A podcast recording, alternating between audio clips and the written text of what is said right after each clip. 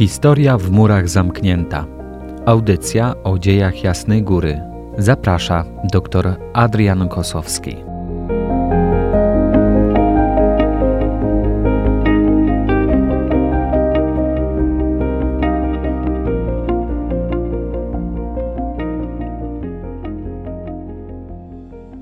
Szczęść Boże.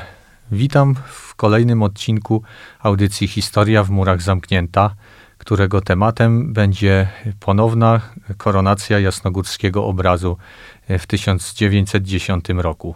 Na początku XX wieku społeczeństwo polskie poruszyły dwa takie poważne wydarzenia, które miały miejsce w częstochowskim sanktuarium.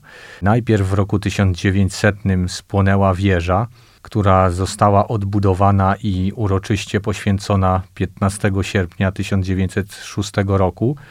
Po tym wydarzeniu, trzy lata później, nastąpiła wstrząsająca kradzież perłowej e, sukienki, która została zdarta bezpośrednio z obrazu, ale także złotych koron podarowanych przez papieża Klemensa XI, które w roku 1717 przyozdobiły głowy Chrystusa i Maryi. Jak pamiętamy, była to wówczas pierwsza koronacja, która odbyła się poza Włochami, po, poza Watykanem. Włamanie nastąpiło w nocy z piątku 22 na 23 października 1909 roku. Najprawdopodobniej y, włamywacze wykorzystali tutaj okienko świeżo odbudowanej wieży, którego nie zdążono jeszcze obsadzić nową y, ozdobną kratą. Sprawcy dokonali tej kradzieży mimo tego, że zarówno kaplica, jak i kościół otoczone były strażą zbrojną. Tutaj już od roku 1905, czyli od y, czasu y, takich tych niepokojów rewolucyjnych, zawsze czterech strażników odbywało straż nocną i byli oni uzbrojeni w rewolwery. Trwało śledztwo, na szeroką skalę prowadziła warszawska policja śledcza, ale ostatecznie nie udało się złapać ani sprawców, ani także nigdy nie odzyskano klejnotów. W czasie prowadzonych y, czynności śledczych, tutaj taka ciekawostka, po raz pierwszy została wykorzystana y, dopiero co, można tak ująć, raczkująca metoda porównywania odcisków palców czyli daktyloskopia. Wówczas y, odciski zostały zdjęte z szyby i ściany przy oknie w kaplicy świętego Antoniego. Czyli jest to ta kaplica, która znajduje się w przedsionku, w którym wchodzimy, udając się do bazyliki. Na wieść o tym świętokradczym czynie papież y, święty Pius X ogłosił ufundowanie nowych koron i informacje o tym fakcie przekazał za pośrednictwem prałata Adama Stefana Sapiechy. Prałat Sapiecha od 1906 y, roku pełnił taką specjalną funkcję, która miała na celu pośredniczenie polskiego kościoła w kontaktach ze stolicą apostolską. Wobec podziału ziem polskich między trzech zaborców, miało to także zahamować te dążenia Rosji do całkowitej kontroli kontaktów z papieżem. Skradzioną sukienkę y, można było zastąpić jedną z dwóch pozostałych. Była jeszcze brylantowa lub rubinowa, natomiast korony były tylko y, jedne. Te od czasów y, koronacji wspomnianej w 1717 roku, które zostały przysłane prosto z Watykanu. Szybka reakcja y, papieża pozwoliła tutaj oddalić zagrożenie ze strony Rosji. Po tej kradzieży władze rosyjskie oficjalnie y, potępiły ten świętokradczy czyn, a sam car Mikołaj tutaj planował ufundować nowe korony, aby w ten sposób y, rozciągnąć swoją opiekę nad cudownym obrazem. Działanie to wpisywało się w dążenia władz rosyjskich, które już od jakiegoś czasu rozważały taką możliwość przewiezienia wizerunku Bogu Rodzicy do którejś cerkwi bądź y, klasztoru prawosławnego, a tłumaczono to pochodzeniem wizerunku, który, jak pamiętamy, przybył tutaj do nas, y, do Częstochowy z zamku w Bełzie, czyli y, jest to miejscowość w dzisiejszej Ukrainie, a także powoływano się na przynależność do kultury wschodniej ze względu na podobieństwo do prawosławnych ikon obrazu jasnogórskiego. Miało to oczywiście znaczenie propagandowe. Sanktuarium Częstochowskie było tym miejscem, które y, jednoczył naród polski. Było tym centrum duchowym od y, już czasów reformacji, od y, bohaterskiej obrony w 1655 roku przed Szwedami, symbolem takiej niezwyciężonej siły i źródłem ufności w Bożą opiekę, które dawało nadzieję na wyswobodzenie się z niewoli a do tego, jak pamiętamy, w roku 1656 Matka Boża została obrana królową Polski i ten tytuł szczególnie utożsamiano z wizerunkiem Matki Bożej Częstochowskiej. W tym kontekście rosyjskie dążenia do przejęcia, a także wywiezienia obrazu pociągnęłyby oczywiście za sobą nieodwracalne skutki. Jak widać, sanktuarium jasnogórskie zajmowało takie szczególne miejsce w historii i duchowości narodu polskiego, a ofiarowanie koron przez Ojca Świętego przybrało dodatkowego znaczenia w tym momencie, nie tylko ze względu na y, zadośćuczynienie Matce Boskiej za tą zniewagę, którą był, było y, to dokonane świętokradztwo, nie tylko y, ze względu na jedność Kościoła i troskę jej zwierzchnika o swoich wiernych, ale także przez wzgląd na te kwestie ściśle narodowe. Jak y, z jednej strony kradzież ozdób mogła dać odpowiedni pretekst y, zaborcy, żeby przejąć obraz, Matki Jasnogórskiej, tak tutaj z drugiej strony to ufundowanie koron przez papieża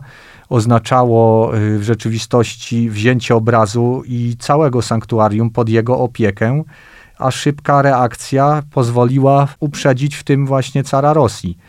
O tym, że e, nie tylko Polacy, ale i zaborcy widzieli e, to w podobnym świetle, jako sprawę stricte narodową, świadczy także reakcja Prus, czyli kraju, którego dominującym wyznaniem był protestantyzm i które swoimi granicami nawet nie sięgało obszaru diecezji kujawskiej do której należała Częstochowa, wobec czego należało tutaj od y, Prus spodziewać się takiej postawy raczej obojętnej na okradzenie sanktuarium jasnogórskiego.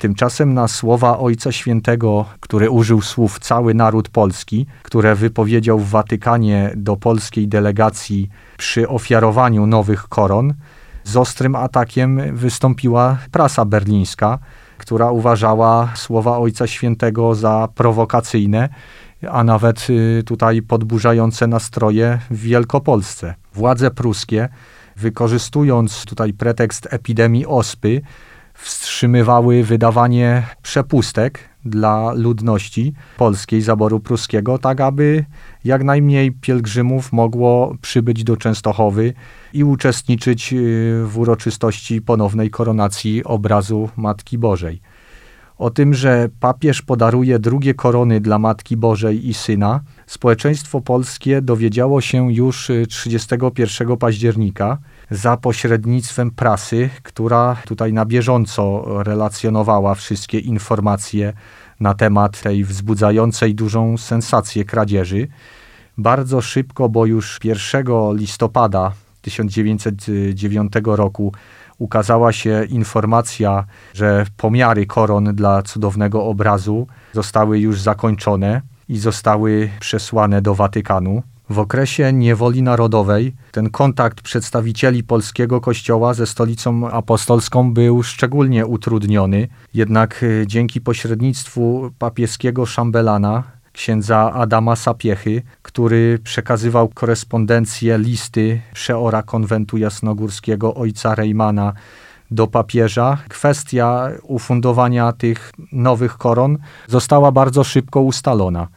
Ojciec Rejman nie zapomniał także o duchowym wymiarze całej sprawy i wzywał cały naród do odpokutowania za ten świętokradczy występek. W związku z tym podjął taką decyzję, że wizerunek Matki Bożej pozostanie nie osłonięty sukienkami, o których wspominałem były jeszcze dwie, aż do dnia, w którym nastąpi ponowna koronacja.